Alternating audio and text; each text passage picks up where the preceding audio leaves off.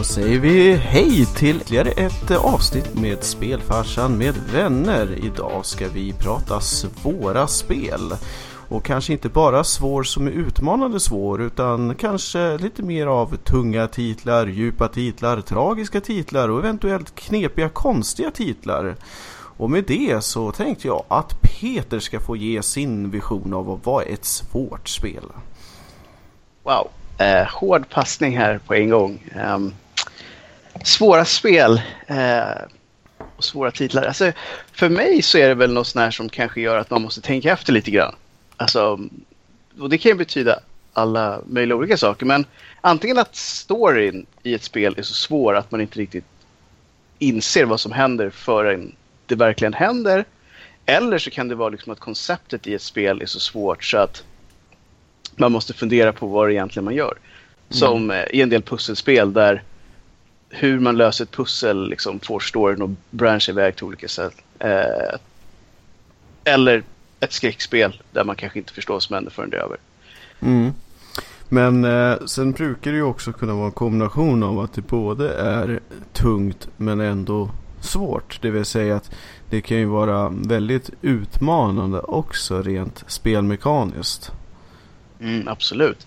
Eh, och det är väl inte helt ovanligt heller. Alltså, när det är svårt inom citationstecken mm. så är det ju oftast en mix av väldigt många saker som gör att man inte riktigt vet vad man håller på med. Mm.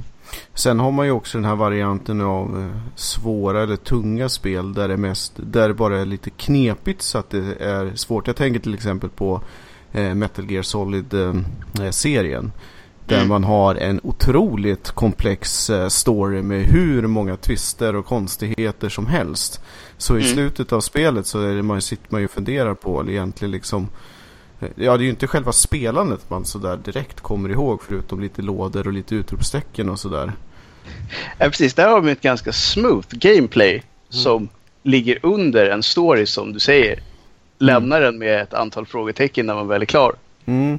Det är som uh, Metal Gear Solid 2 uh, eh, där, nu ska vi se, ungefär en och en halv timme gameplay och tre och en halv timme vet du, mellansekvenser. så egentligen en interaktiv film. Ja, alltså det, det är ju verkligen så. Beroende lite på, vissa moment är ju faktiskt då riktigt svåra, åtminstone beroende på svårighetsgrad och så förstås också då. Men mm som gör att det tar egentligen mycket längre tid. Men om man bara skulle liksom springa igenom det rakt upp och ner så är det ju väldigt, väldigt mycket mellansekvenser och så. Mm. Visserligen då för att bygga en ganska komplex och eh, svår story då.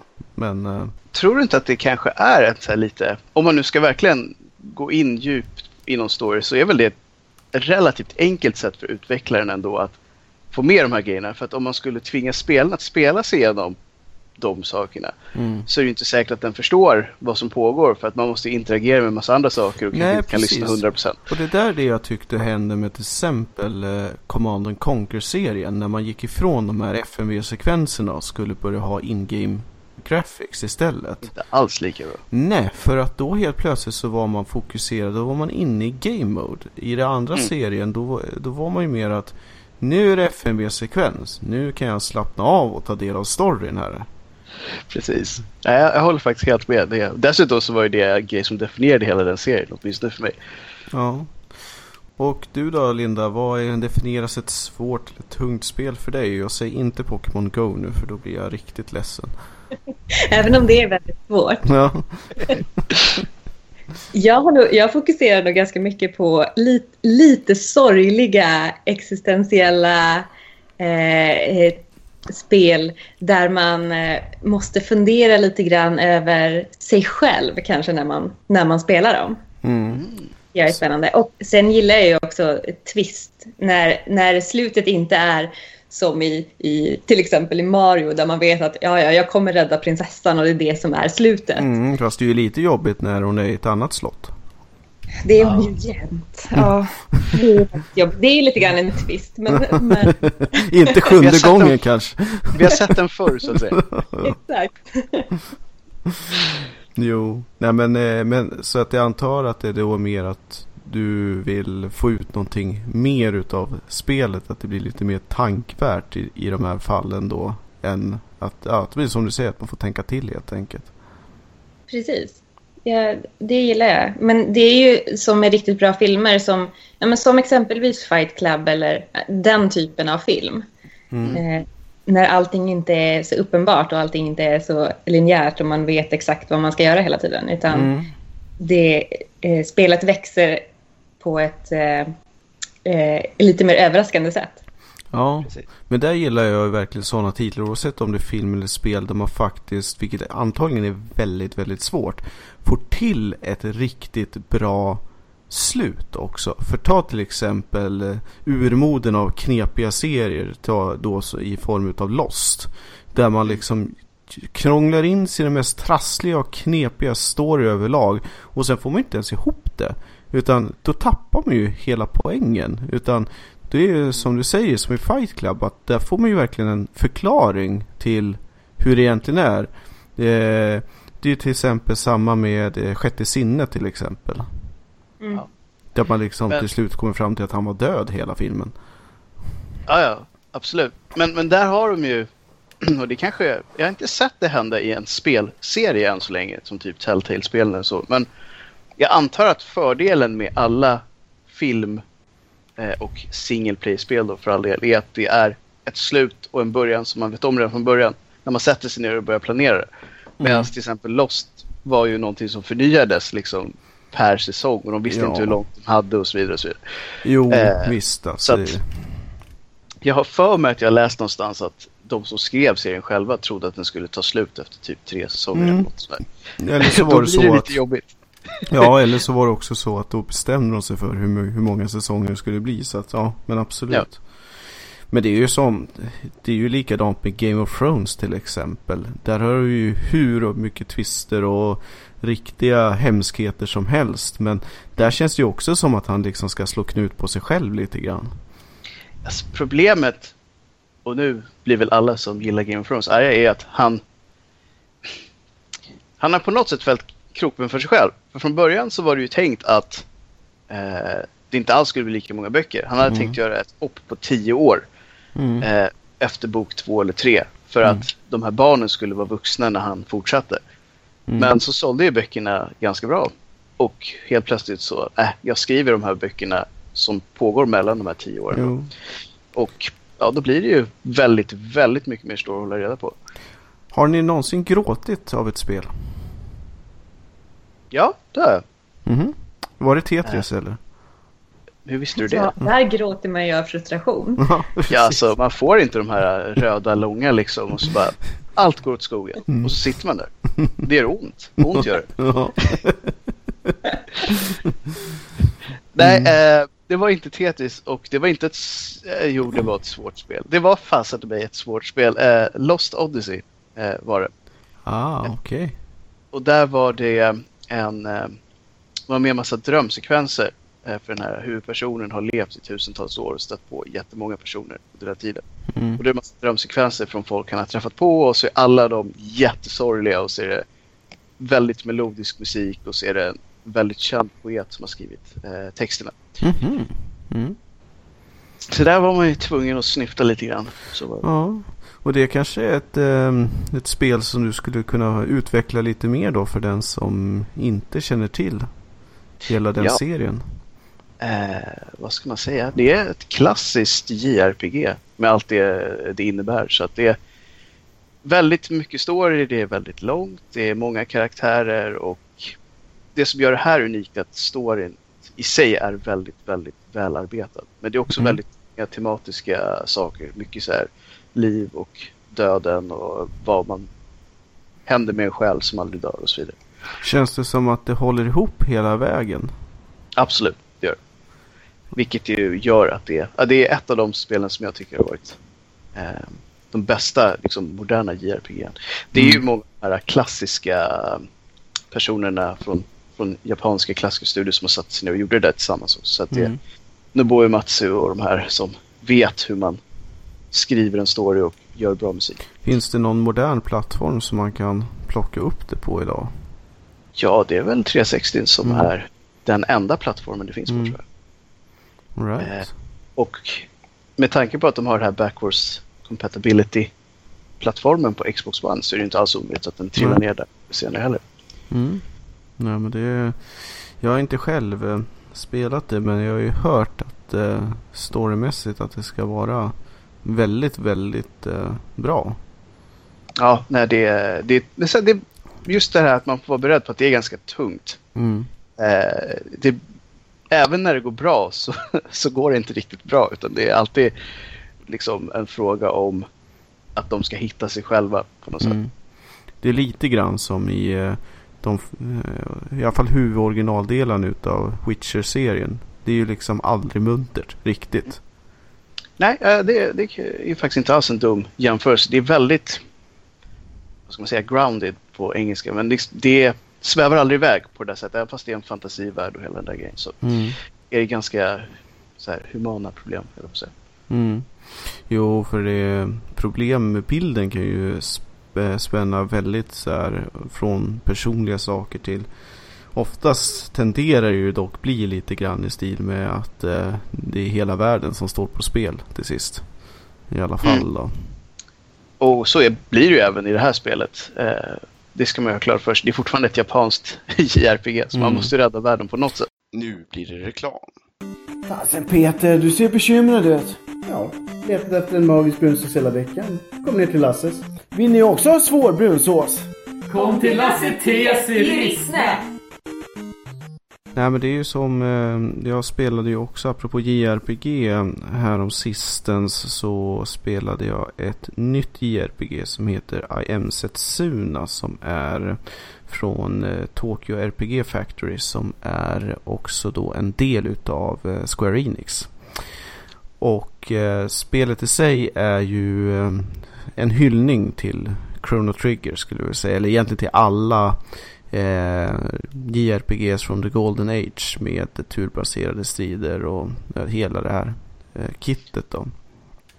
När vi säger Golden Age kanske vi ska säga att det var 90-talet vi pratar om. Mm. Det var Så ju... forntiden för en del där ute. Ja, precis. Men samtidigt så har det inte blivit så mycket bättre sedan dess. Men det, beror det är uppe till debatt. Men hur som haver så spelet inleds med att eh, huvudpersonen i spelet får i uppdrag att eh, helt enkelt mörda. Eh, eller ja, det är egentligen två delade huvudkaraktärer kan man säga. Men den ena personen får i uppdrag att mörda den andra. Eh, vilket är lite så halvspännande och det är egentligen inte ett problem. Därför att den här eh, eh, karaktären har redan fått i uppdrag att begå självmord för att rädda världen. Så att det är ju väldigt munter setting redan från start. Ja, verkligen. Och för att dra en lång historia kort så går det ut på att världen eh, invaderas med jämna mellanrum utav monster som förstör på olika sätt. Och för att blidka monstren så måste man göra då ett mänskligt offer i vart, vart tionde år i princip. Genom att då skickar man en kvinna ifrån eh, den här byn som eh, får i uppdrag att ta sig till The Lost, Lost Lands där eh, folk bara försvinner helt enkelt i princip. Mm. De har i alla fall aldrig kommit tillbaka. Och eh, så blir eh, storyn i princip att man ska då ledsaga den här eh, kvinnan då till det här landet. Och hela, alltså för det första så är hela världen täckt i snö. Det snöar konstant. Det är lite småkallt, det är lite småmörkt. Och det finns typ inte en enda munter person i hela spelet. Wow. Inte en värld för mig, det har jag på en gång. Nej, alltså det är jättemys. Alltså grafiken är väldigt um, tilltalande i sig. Men det blir monotont när det är samma setting hela tiden i princip. Och dessutom bara då pianomusik. Mm. Väldigt melodiskt också, hela tiden. Ja. Ja.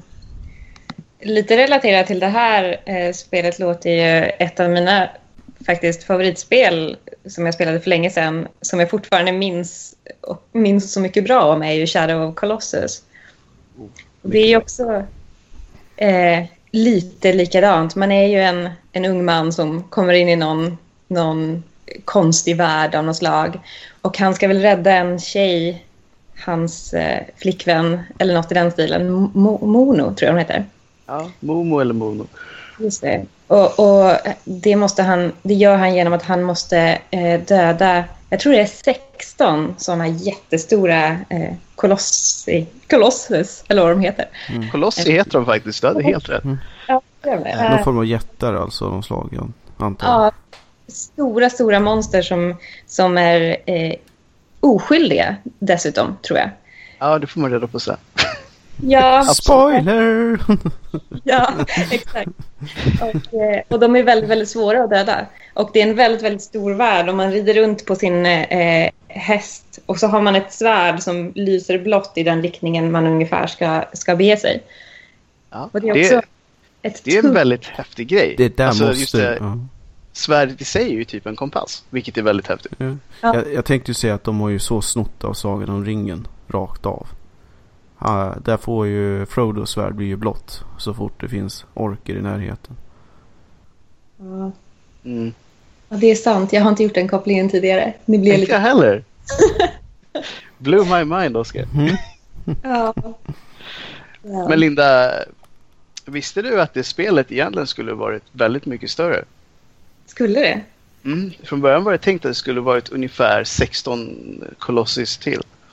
Oj då.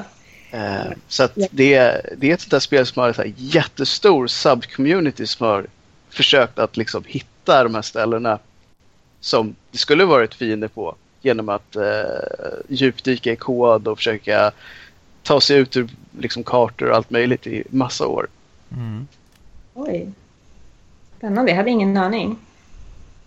Nej, det, det, var lite nytt för mig också. Men jag, vet, jag läste en jättelång artikel om det där i eh, Eurogamer för några år sedan. Just att när de granskade de här som har liksom blivit maniskt fast i Shadows of the Colossus. Påminner det här spelet utav eh, God of War-serien?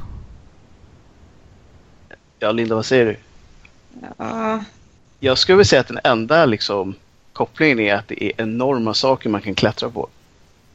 Ja, det är det ju. Eh.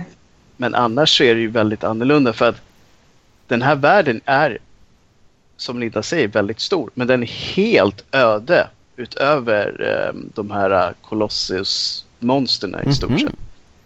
Eh, utan det är någon sån här Shadow Realm som man landar i i början och så är det ett stort tempel där den här Momo, eller Mono, ligger på ett altare och sen så är det någon sån här gudaröst som jag pratar med huvudpersonen och säger i stort sett att om du vill rädda den här uh, tjejen så måste du döda alla de här Colossus och ta deras uh, soul shards och när du har samlat ihop alla dem så kan vi återuppväcka den här personen. Känns lite grann annars som Prince of Persia Sands of Time. Ja, det är lite likt. Det är det. Mm. Men väldigt, väldigt surrealistiskt och väldigt, väldigt så här um, jag vet inte, andligt kanske man skulle kunna säga. Verkligen, och svårt. Och svårt, det ska man inte sticka under stolen. Mm. Känner man som att man liksom tar med sig något efter det här spelet då? Eller är det bara det att det var utmanande? Jag kanske ska säga så här att jag tyckte det var ett slut som var... Jag var inte alls med på det. Men vi kanske inte ska säga exakt vad som händer för att slutet gör ju hela spelet. Eller säga för mycket. Nej.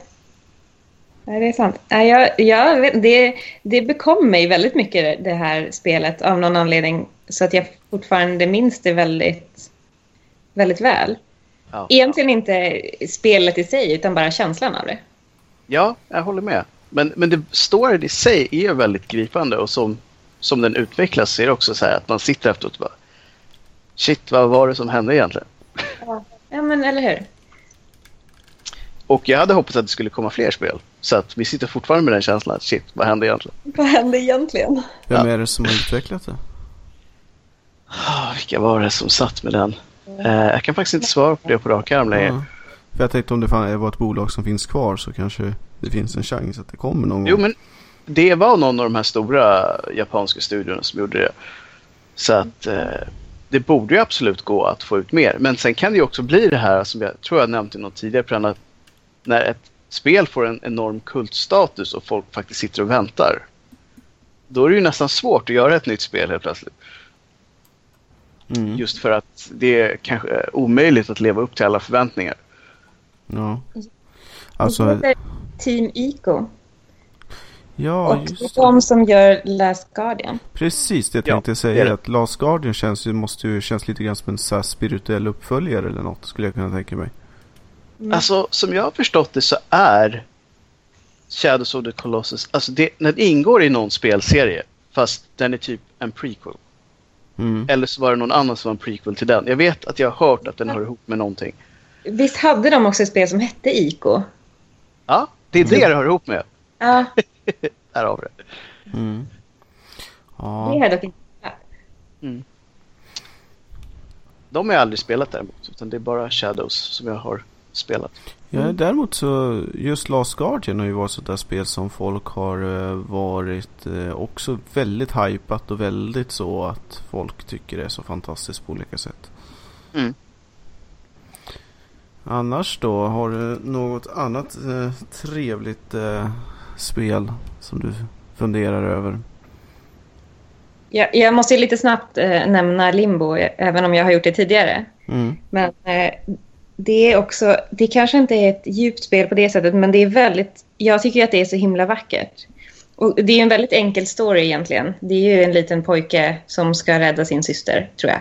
Eller hitta ja. någon tjej i alla fall. Och så ska man ta sig eh, framåt eh, på sätt som inte är helt uppenbara hela tiden. Mm. Och pussla lite grann. Men det som är så fint med det spelet tycker jag är ju dels såklart att det är svartvitt och ja, grått. Mm. Eh, och att det är tyst. Mm. Ja. Och svårt, återigen. Mycket svårt är det. Det, är... Mm.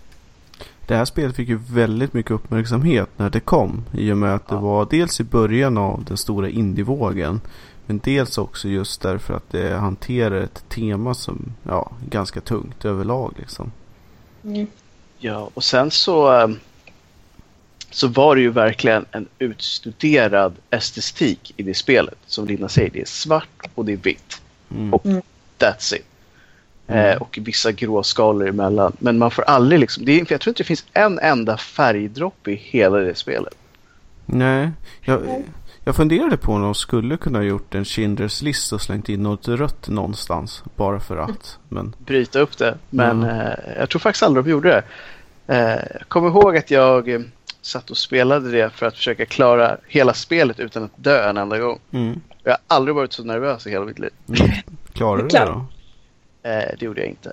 Jag dog en gång och stängde av det. Ja. Tyvärr hade jag nästan klarat hela spelet också. Ja. Eh, så det går säkert att göra. Eh, det skulle inte förvåna mig om det finns en achievement för det dessutom. Men eh, jag kände att det, man kan bara samla ihop sig till en sån satsning lite då och då. Sen, sen dess har jag inte vågat mig på det igen. Har ni spelat uh, The Journey? Apropå tysta spel. Nej. Det är ju det här när man springer i öknen. Helt mm. uh, utan egentligen mål eller story eller någonting egentligen. Man vet bara att man ska liksom ta sig framåt. Men det var väl det som kom relativt nyligen, var det inte? Jo, det är väl två år nu eller någonting i den stilen. Ja. Och eh, hela poängen är ju också det att det är multiplayer. Så att man mm. kan ju så här hjälpas åt av att liksom nå vart man nu ska på väg. Eh, och mm. eh, man kan inte, det är, det är klart kan och kan, du kan väl alltid liksom prata i telefon eller Skype eller någonting. Men poängen är att du kan inte chatta, du kan inte prata, du kan inte liksom kommunicera på något annat sätt än med liksom din figur så att säga. Mm. Så, så poängen är väl att man ska kommunicera på en mer subtil nivå så att säga. Det är ändå ganska häftigt att de försöker sig på ett sånt spel eh, fast inte sololäge. Mm. Mm. Och, eh, men det är väl det här att man ska göra den här uh, mera mentala resan men att man vill göra den tillsammans med andra även om man inte har någon direkt relation med de andra de, de man mm. träffar på i spelet utan det är ens egen resa liksom. Det är som att åka på ett sånt här uh, silent retreat. Ja. Mm. och nu har vi ett fantastiskt bra spelidé på en gång. Ja. Mm. Du, upp till åtta spelare på ett silent retreat två dagar. Mm. Men det är ganska, om ni tänker efter så är det ganska många spel där inte mm, hjältens namn uttalas en enda gång i hela spelet. Mm. Det är sant. Och där hjälten oftast inte säger någonting heller. Ja, det, den är ju också ganska vanlig. Men ett av de slående exemplen är ju i, eh, i Final Fantasy 10 till exempel. Tidus Ja. nämns ju inte vid namn. En enda gång. Nej. Wow. Det är ändå rätt kaxigt. Men det, det, Man vet ju ändå vad han heter. ja, jo precis. Men det har väl mer med att göra med, tror jag, från början att man skulle ju få namnge sina egna karaktärer. För att det skulle bli lite mer personligt. Just det, Så det är klart det- var så. Så då kunde man ju inte riktigt så här, äh, speciellt inte när du har voice äh, cast, att äh, liksom, visst du kan köra någon sån här burkig dataversion utav vad du nu skriver in för någonting. Men, Mm. Det blir ju inte riktigt lika bra ändå. men, så, men så är det ju fortfarande idag med såna klassiker som alltså hela Baldur's Gate-serien eller Morrowind eller vad det nu än är. Liksom, att du, det ska vara du och inte någon annan. Ja, så när spelen lyckas så ersätter ju spelaren huvudpersonen med sig själv egentligen. Mm. Eh, för att den verkligen ska gå och leva, in i, leva sig in i eh, Mm. hela vägen ut. Men ett spel som jag kommer att tänka på nu som verkligen var surrealistiskt var ju Catherine som kom till 360 och kanske PS3 också. Som var och handlade om en man som hade en relation med två olika kvinnor där båda hette Catherine jag för mig. Och den ena var en snäll och vänlig flickvän och den andra var någon sån här typ mansslukerska. Och han skulle på något sätt försöka bolla relationerna till båda de där två. Och man gör det genom att lösa pussel som han drömmer ihop i typ mardrömsformat. Och Mhm. om, beroende på hur man lyckas lösa de här pusslen så drivs storyn vidare framåt. Okej. Och den fick jättemycket skriveri när den kom. Mm. Både för att det var briljanta pussel, jättesvårt, vilket börjar kännas mer och mer som ett så här gemensam nämnare för alla de här spelen.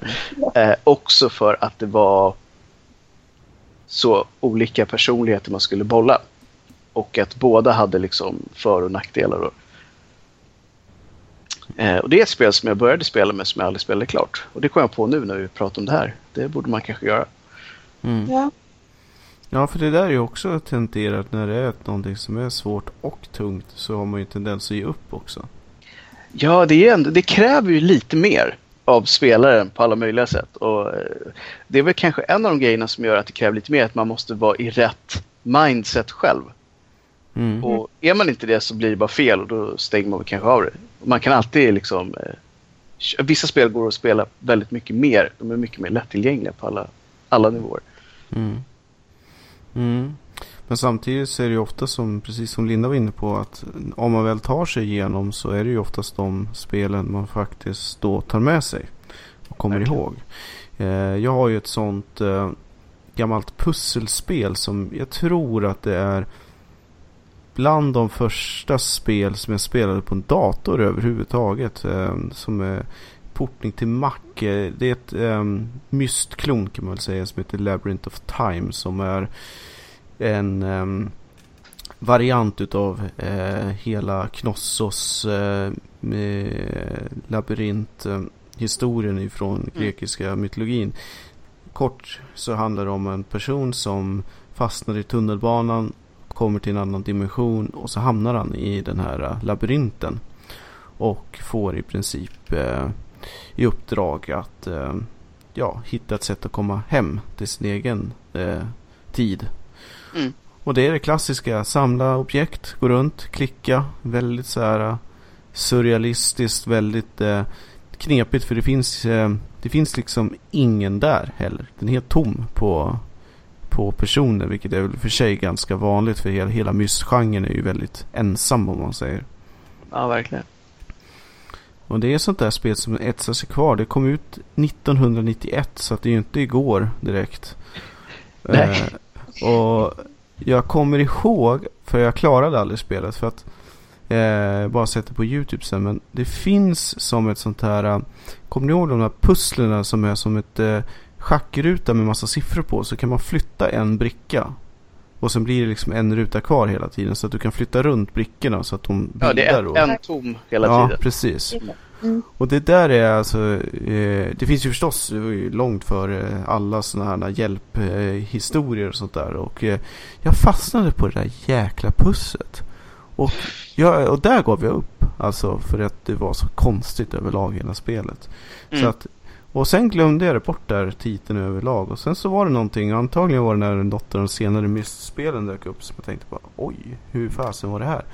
Mm. Så då, tack och låt för YouTube, så har jag ju sett hur det här slutar. Men det är också sånt där att vissa saker, det stannar kvar där någonstans. Var det samma stil också att det var såna här renderade mm, liksom, fotografier nästan som gick omkring? Ja, absolut. Och eh, allt från sådana här riktigt eh, galna clowner till eh, alltså. Ja, precis. För att det, det är lite, det är väldigt med ganska hyfsat stort och ganska många liksom olika, den här labyrinten innehåller olika tidssettings i sig. Så att du har en del som är typ ett eh, nöjesfält och sen så är det en del som är från ett västentid och sen är det någonting från Inka och sådär. Så att det är väldigt så, ja, skruvat. Ja, alltså de spelen, nu säger jag de, även fast de här inte är gjorda av samma företag då, men de var ju väldigt speciella. Det får man ändå ge dem. De här mm. Myst och Ribbon och de som hamnade i samma genre, men som, som du säger, som var kanske kloner av det spelet. Jo. De var ju inte lika några andra spel egentligen. Speciellt inte i estetik och upplägg i alla fall.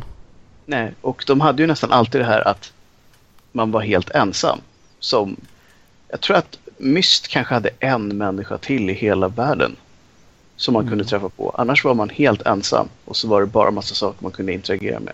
Mm. Och där så hade det ju till min förvåning kommit ett nytt spel alldeles nyligen som är gjort av samma företag som gjorde Myst och Ribbon. Det verkar ju då vara samma typ av spel igen. Ensam i en värld som är väldigt stor och det är väldigt massa pussel och du ska försöka ta reda på varför du är där och försöka ta dig hem. Mm. Så att det kanske är en liten subgrupp med gamers som fortfarande vill ha sådana spel. Ja, det är bra. Jo, men det ser man ju på um, just pussel eller estetistiska pusselspel. Det släpps det ju lite titt som tätt. Men um, det är ju som du säger, det är väl en hyfsat smart publik ändå. Ja, just också med tanke på det vi är inne på att de är ju oftast väldigt svåra att få ihop sambanden mellan, alltså ibland vet man inte ens vad det är man ska lösa i de där spelen. Man kanske har fyra olika pusselbitar men man ser inte egentligen riktigt var de var någonstans ska de användas för att lösa vad och om jag gör det, vad händer då? Så att det var ju oftast ett extra lager. Man kanske hade en grej som man sprang omkring med halva spelet innan man liksom insåg vad den var till för. Mm. Mm, det där med items som man aldrig använder är också intressant. Nu är det ju ofta så att de flesta items används. Men det finns ju då och då man har kommit över som faktiskt aldrig används till någonting. Mm. Och vad elakt det är. Ja. det blir liksom en mindfuck som håller hela spelet. Mm. Alltså man undrar ju nästan så här, nu missade jag något, eller hur? Även Ja. fast liksom eftertexterna rullar på skärmen framför en så bara, nej men, nej jag missade något, jag är nästan säker. Jo, men alla de här uh, klicka-peka-spelen har ju eh, lite grann av det i sig. Men sen har du ju helt olika upplägg. För det är ju en väldig skillnad på till exempel Simon the Saucer och eh, Myst-spelen i och med att där är det ju mer som man interagerar med andra karaktärer och det är en dialog och liksom hela, hela den biten. Ja. Verkligen, Simon the Sorcerer dock. Vilket härligt spel det var. ja, eller spelen. Det är väl flera om jag minns. Ja, det är två, Ja. tror jag. Två, två åtminstone i den här klassiska ritade stilen. Mm. Ja, ett av de bestående minnena det är när trollet har eh, gått i strejk. För, Ja, för att han är så trött på att bli nedknuffad i, i ån hela tiden av bockarna. Precis. Nej, det, är, det är sån skön humor. Ärkebrittisk rakt av, men det är så här, ibland är det helt rätt. No. Ja men det är, det är faktiskt ett av de eh, roligare. Alltså, det om och sen förstås ehm, Monkey Island-spelen. Då. Just, Ja, de är kanske inte jättesvåra rent så, de, men, men de är värda att nämna ändå. Mm. För det är bra spel hörs sen. Ja, och dessutom eh, är de ju hyfsat. Men om vi ska ta en lite tyngre titel som också kan vara lite existentiellt så är det ju eh, Grim, Grim Fandango. Oh ja. Där man, eh, man har helt enkelt dött, kommer till dödsriket. Men beroende lite då på vilken, eh, eller som egentligen mellanstation mellan dödsriket och eh, som i ett limbo då. Där man helt enkelt beroende på hur väl man har gjort i livet så får man olika sätt att ta sig till dödsriket. Så har man varit väldigt god och sådär då får man ett eh, expressbiljett på ett snabbtåg. Medan har man varit riktigt elak så får man gå till fots med eh, ganska stor chans att du aldrig kommer fram. Ja. Det var verkligen ett spel som jag älskade när det kom. Alltså, gud vad jag tyckte det var häftigt. Men jag klarade det aldrig. Förrän långt, långt senare när du som sa, när YouTube dök Mm. upp och man faktiskt kunde se hur man skulle lösa grejer. Det finns ju en HD-remake för den som är sugen på att plocka upp där. Värt Ja, att den-. Den finns tillgänglig på rätt många plattformar också. så, Ja, på bara Steam. Bland annat då förstås. ja, så det är bara att se omkring och värt att chansa på. Skulle Mm. jag nog säga ändå. Och när vi kommer över på skräck då, då, då där finns ju, kan jag tänka mig, en hel hög titlar. Med tanke på att det är klassiskt där tunga teman och skräck går hand i hand. Känns det ju ganska naturligt att vi vänder oss åt Linda här. Mm. Ja, jag tycker ju att alla de här stora titlarna är väldigt tunga. Eh, kanske framförallt Silent Hill då, såklart. För där är det ju oftast lite twister på slutet och det, det är lite jobbiga sanningar som kommer fram. Eh, Men också eh, Alan Wake var väl ett sånt spel som var också lite, lite jobbig twist på slutet. Ja, nu var det ju alltså med liksom, möjlighet att säga lite fel. Men jag minns det som att storyn bara blev tyngre och tyngre i det spelet. Och Ja. att det var både liksom saker som hade hänt väldigt länge sedan och saker som man själv hade gjort som påverkade både vem som var monstret inom citationstecken och slutet också. Jag för mig att det inte var ett lyckligt slut i det spelet. Nej, nej, det var inte det. Man hade inte med sig en glad känsla när man slog av konsolen och hade Nej. spelat färdigt. Däremot så var det ett fantastiskt spel. Det var, det var väldigt, ett väldigt bra spel verkligen. Så att eh, vi säger inget illa om spelet, men det var inte så här, åh vad glad jag blev. Nej, nej verkligen inte. Men Silent Hill, vad är det som gör det svårt? Är det själva stämningen eller är det storyn? Eller är det det att man inte får liksom closure, att man får inte reda på vad det egentligen som har pågått? Vad, vad är det liksom som definierar svårigheten i det? Nej, men det är ju, det är ju sluten. Det är ju, för man hamnar ju alltid, alla som kommer till Silent Hill kommer ju dit av en jobbig anledning. De har ju liksom tappat bort sina barn och, och sådana saker. Mm. Och i första spelet eh, så har, eh, han, har- han letar efter sin fru i första spelet. Mm. Och jag tror att det slutar med, nu spoilar jag, Ehm, men det slutar väl med att man får reda på att man själv har dödat henne. Det kvalar ju definitivt in som svårt och tungt. Ja. Men sen å andra sidan är det det slutet jag fick första gången jag spelade för att jag kommer bara ihåg första slutet av någon anledning. Eh, Så jag gissar att det finns an, andra, kanske mindre tunga slut också. Men, eh, men det här är ju definitivt en, ett jobbigt slut att få. Ja, jo, verkligen. Speciellt när man känner hans panik hela tiden för när han är där och, och, och verkligen vill hitta sin fru och han inte riktigt har koll själv på liksom, vad han har gjort. Lite, lite grann som jag gissar som i Alan Wake ungefär. Mm. Så är det extra jobbigt att få det i slutet. Ja, alltså av erfarenhet så tycker jag nästan alltid det är jobbigast när man har investerat liksom, känslomässigt i en karaktär och det börjar hända saker man själv inte gillar. Mm. Det är så här att man tror att man har räknat ut ungefär vad saker är på väg. Man tror man vet så här, men den här personen står för de här värderingarna och det här borde ha hänt. Och sen börjar det långsamt förflyttas åt ett håll som man bara känner på så här kommer bli jäkligt jobbigt. Ja, exakt. Och det går ju inte liksom dra sig ur. Man har redan investerat sig känslomässigt. Så då, måste, då är man bara Mm. fast på det här tåget tills du kör liksom hela vägen till stationen. Ja. Det är därför jag gillar oftast när hjälten inte är så här übergod och inte überelak heller. Men där det finns lite, lite skalor i det hela. Mm. Det känns som att det känns mycket mera naturligt än att en person ska vara så väldigt åt ena eller andra hållet. Mm. Absolut. Men jag tror just lite det som ger det här obehagliga också när det är en person som är normal. Det finns ju lite svängrum åt alla håll, för det är så personer fungerar. Men när man liksom känner att nu börjar det gå över på någonting som jag själv aldrig skulle kunna tänka mig att göra och man ändå är fast med det här. Ja. Det är då det blir så här extremt jobbigt, som i det här fallet om det kommer fram att man faktiskt har mördat en person. Och Ja. då har man bara några timmar tidigare känt med karaktären man spelar. Exakt. Då blir det ju väldigt jobbigt just för att det är så här, shit den här personen var ett svin. Och jag brydde mig om den här personen för inte alls säkert länge sedan. Ja, men nästan lite grann som att man känner som att man själv är det där svinet som... Ja, alltså det blir väldigt mycket svårare att samla ihop sig efteråt. Vad var jag tyckte egentligen? Och kan jag på något sätt bena ur allt det här så att det ändå känns okej att jag höll på den här personen? Ja, nej precis. Och det är det som gör att de här spelen blir så... Att man kommer ihåg dem så mycket. Mm. Eh, På, på tal om Silent Hill så är det faktiskt att det här... eh, Det som kom till Wii U. Mm. Det... eh, vad heter- Shattered Memories. Just det. Då eh, går det ju ut på... Hela spelet går ut på att man sitter hos en psykolog och pratar om eh, någonting jobbigt som har hänt i ens liv. Mm. Det är också väldigt... Eh, jag tycker också att det är en ganska bra eller snygg eh, story. Och snygg twist i det Ja. spelet. Ja, verkligen. Fler titlar då Linda? Har du något annat eh, trevligt spel som du känner förtjänar att komma in i den här samlingen? Ja, eh, jag råkade dyka på ett, eh, kanske inte ett spel, det var typ 10 minuters gameplay kanske. Som var verkligen superkonstigt och det hette The Static Speaks My Name. Och jag tror att det skulle handla om, om folk som har tagit livet av sig. Sen vet jag inte, det är väl fiktiva karaktärer såklart.